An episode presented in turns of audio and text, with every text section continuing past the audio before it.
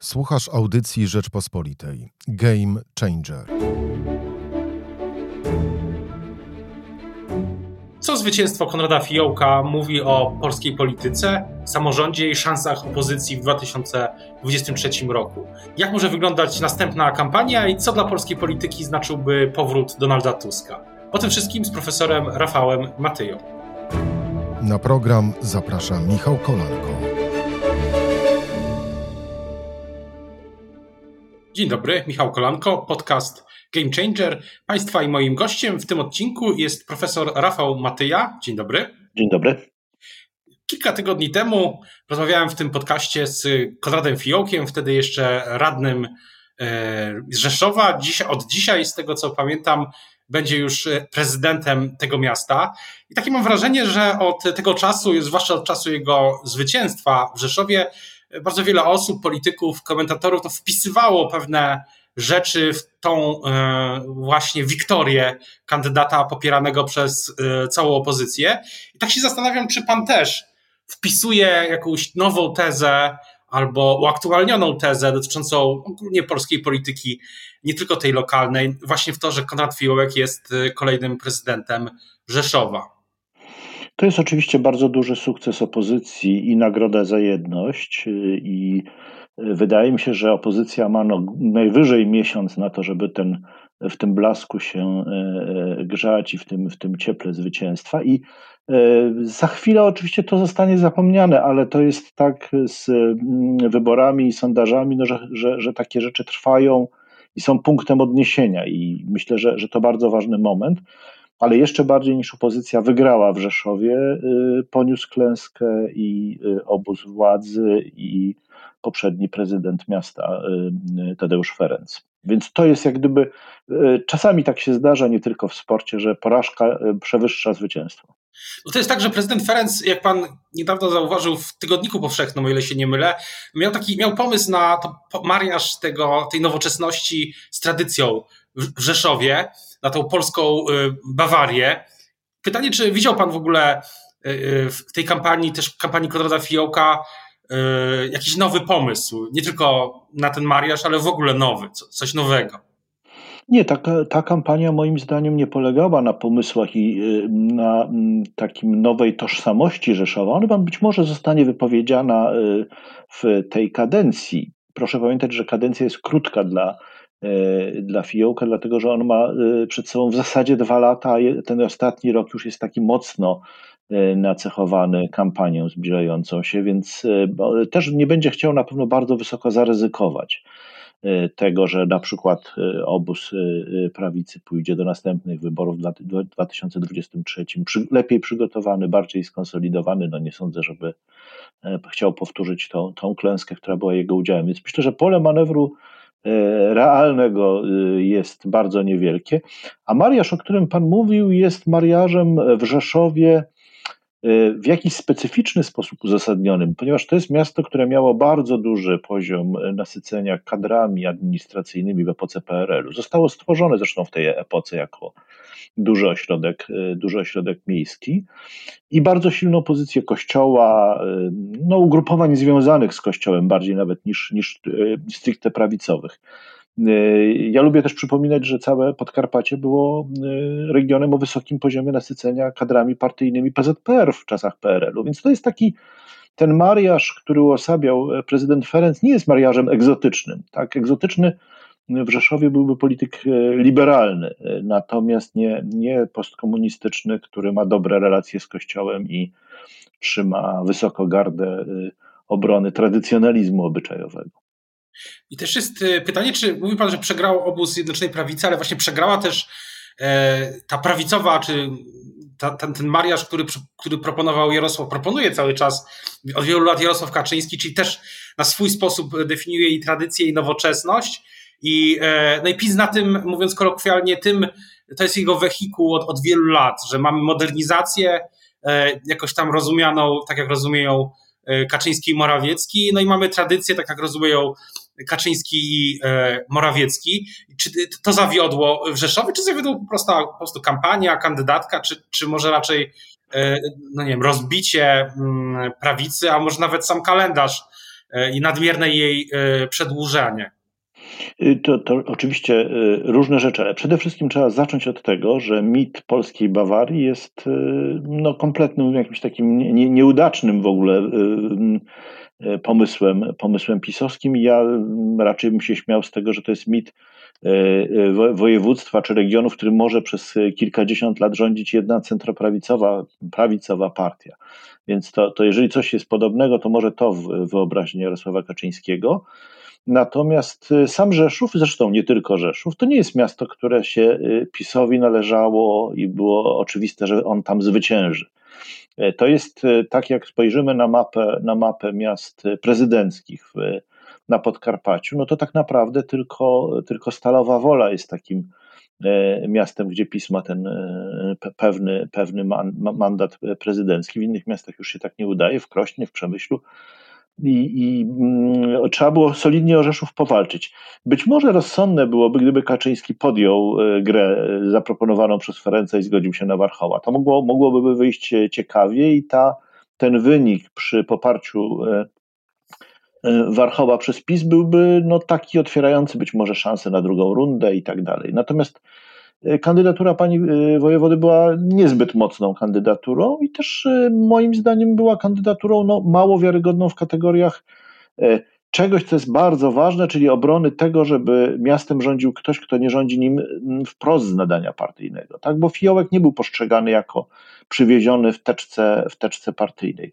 To już dało bardzo mocno znać o sobie w ostatnich wyborach w 2018 roku, że wyborcy w miastach, które głosują na PiS, nawet małych miasteczkach, woleli po prostu burmistrza, samorządowca niż burmistrza z mocną legitymacją partyjną. No i i to, I to się wywróciło. Prócz tego, no bardzo, bardzo źle się moim zdaniem Prawo i Sprawiedliwość za to zabrało, bo zabrało się za to po swojemu, to znaczy myślało, że tutaj Polski Ład będzie tą siłą, która napędzi kandydaturę pani Leniart i liczne obietnice pod adresem miasta, no to się nie spełniło.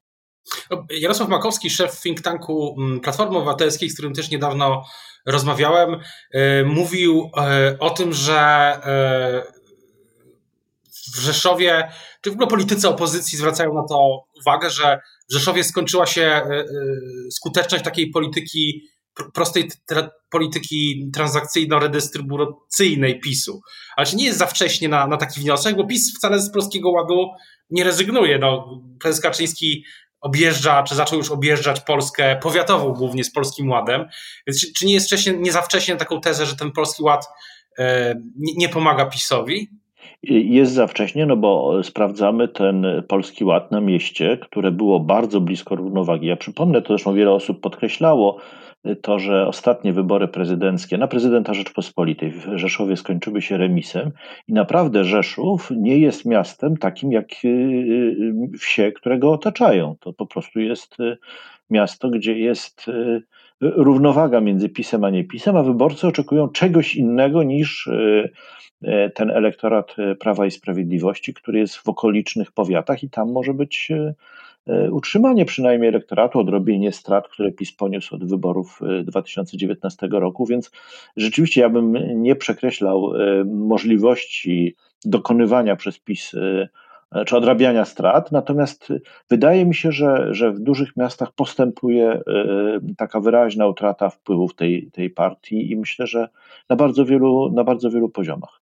I w, w, tym wątku jeszcze jedno pytanie, czyli uważa Pan, że w 2000, czy można postawić taką prognozę, że w 2023 roku, kiedy na pewno e, będą wybory samorządowe, e, bo w przeciwieństwie do wyborów e, parlamentarnych nie tak łatwo je przesunąć, musiałaby być kolejna, kolejny potężny kryzys na miarę pandemii koronawirusa, czego sobie oczywiście nie, nie, czego nie chcemy. Natomiast e, czy, czy, można postawić, może Pan już postawić taką prognozę, że w 2023 roku liczba miast e, prezydenckich, e, w których rządzi kandydat, polityk Zjednoczonej Prawicy, czy to Porozumienia, czy Solidarnej Polski, a może Republikanów Adama Bielana, czy samego PiSu, nie będzie wcale większa niż niż teraz. Teraz największym, w ogóle naj, a największym miastem prezydenckim, którym rządzi Jakub Banaszek z, ze Zjednoczonej Prawicy jest Chełm.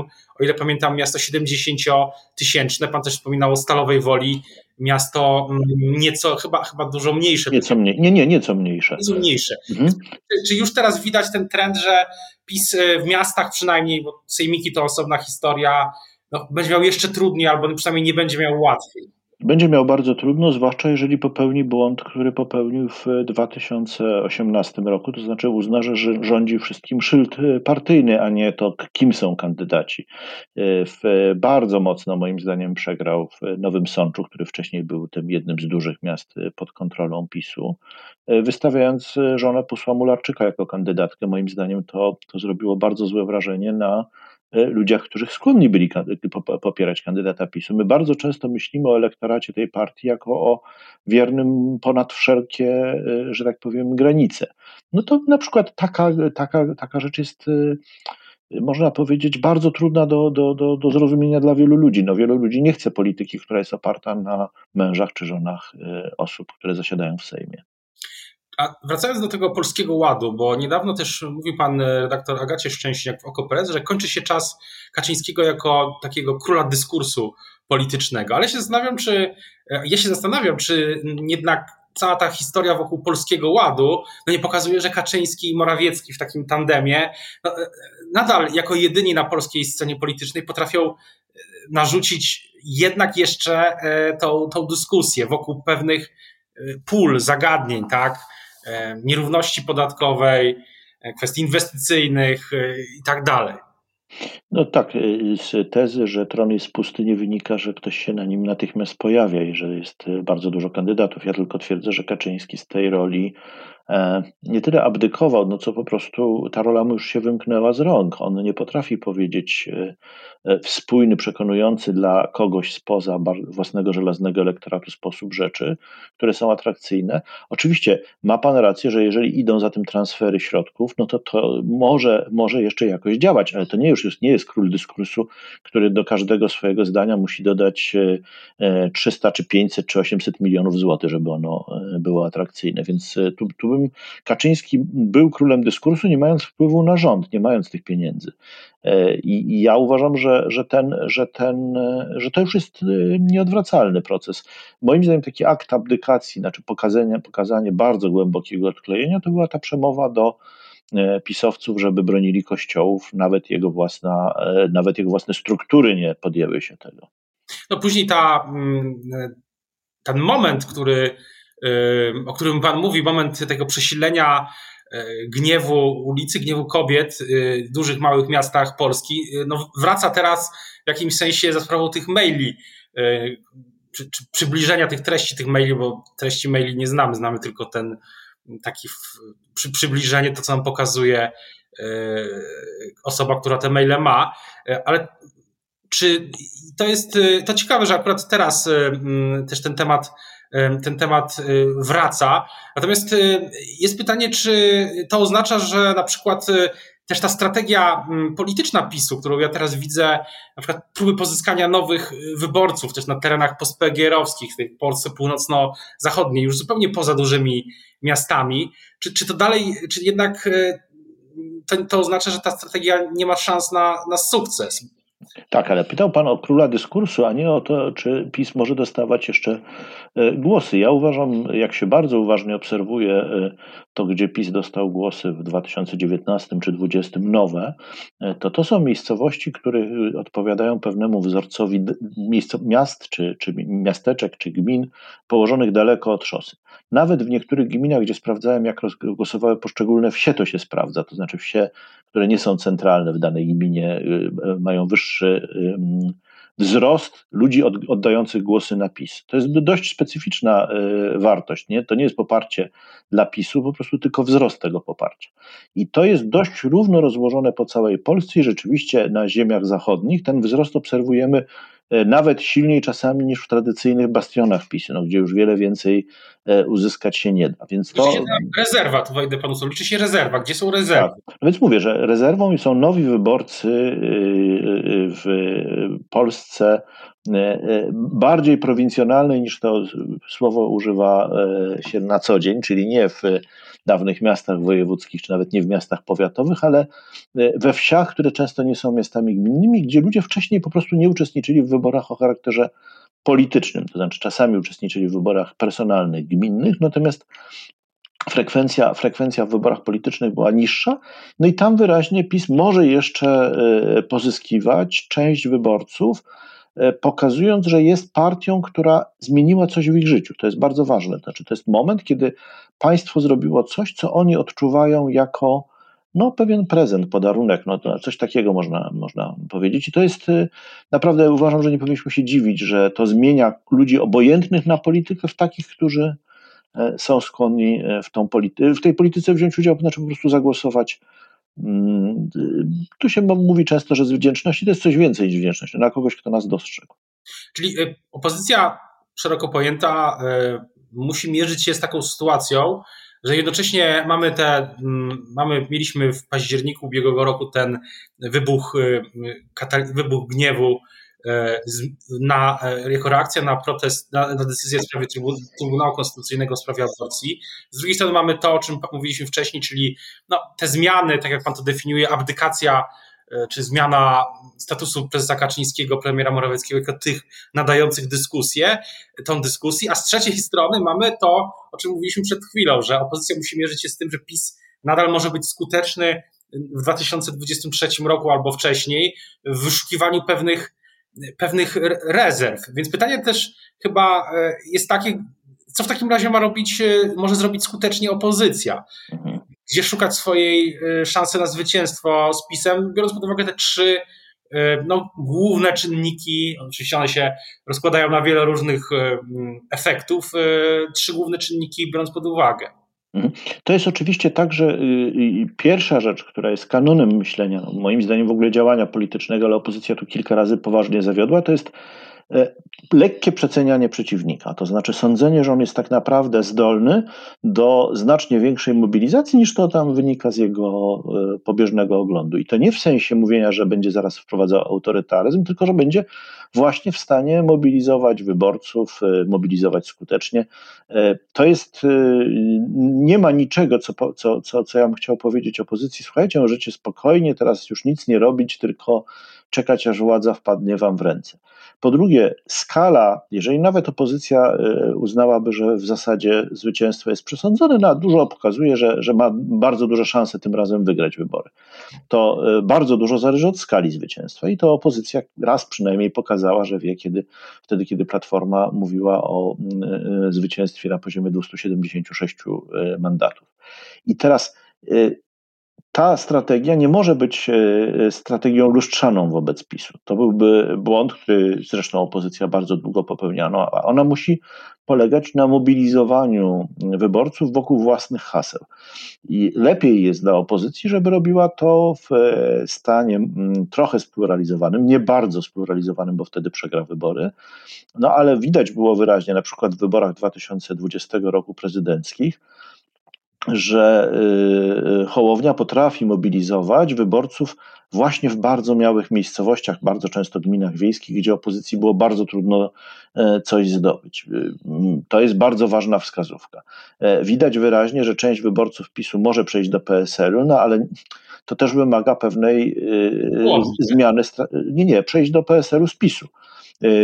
Ale to wymaga pewnej zmiany strategii tej partii. No, tu, tu, jest bardzo dużo rzeczy, które opozycja może zrobić. Na razie ich nie, nie, nie robi albo robi mm, dużo wolniej niż powinna.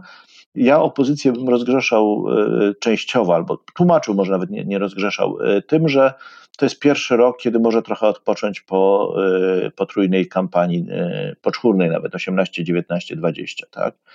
Więc politycy są ludźmi, być może to jest ten, ten sezon, jeżeli, jeżeli opozycja jest przekonana, że Kaczyński nie zrobi wyborów jesienią, no to to kiedyś odpocząć musi, kiedyś się nie, nie można się cały czas mobilizować w, w, polityce. Natomiast y, jesienią musi mieć pomysł na siebie, a nie na walkę z PiSem. No bo, ale z drugiej strony wydaje się, że mm, jest taki pomysł na razie na takie wielkie badanie fokusowe, bo Platforma jeździ, zaczęła jeździć po Polsce z tym hasłem kierunek przyszłość, tam porozmawiajmy o Polsce jako o Polsce przyszłości.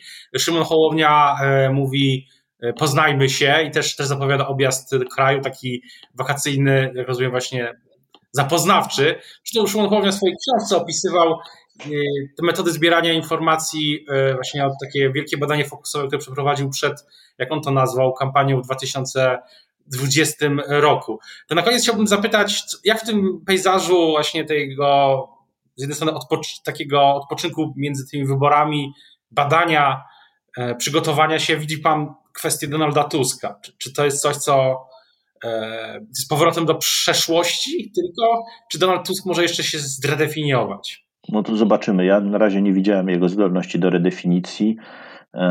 To te, ten powrót, taki e, długotrwający e, próby powrotu na polską scenę polityczną były słabe i pozbawione nowych treści. Może jest inaczej, może Donald Tusk nas zaskoczy, ale ja dzisiaj bym na miejscu Platformy raczej bał się tego powrotu niż się z niego cieszył.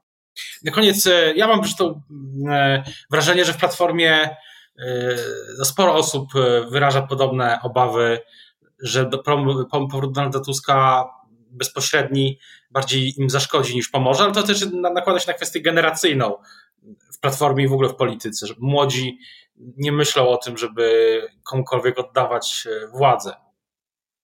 To prawda, ale to no zobaczymy, czy będzie, czy będzie takie otwarte starcie, bo musi być polityk, który stanie naprzeciwko Tuska i będzie z nim walczył o władzę w Platformie.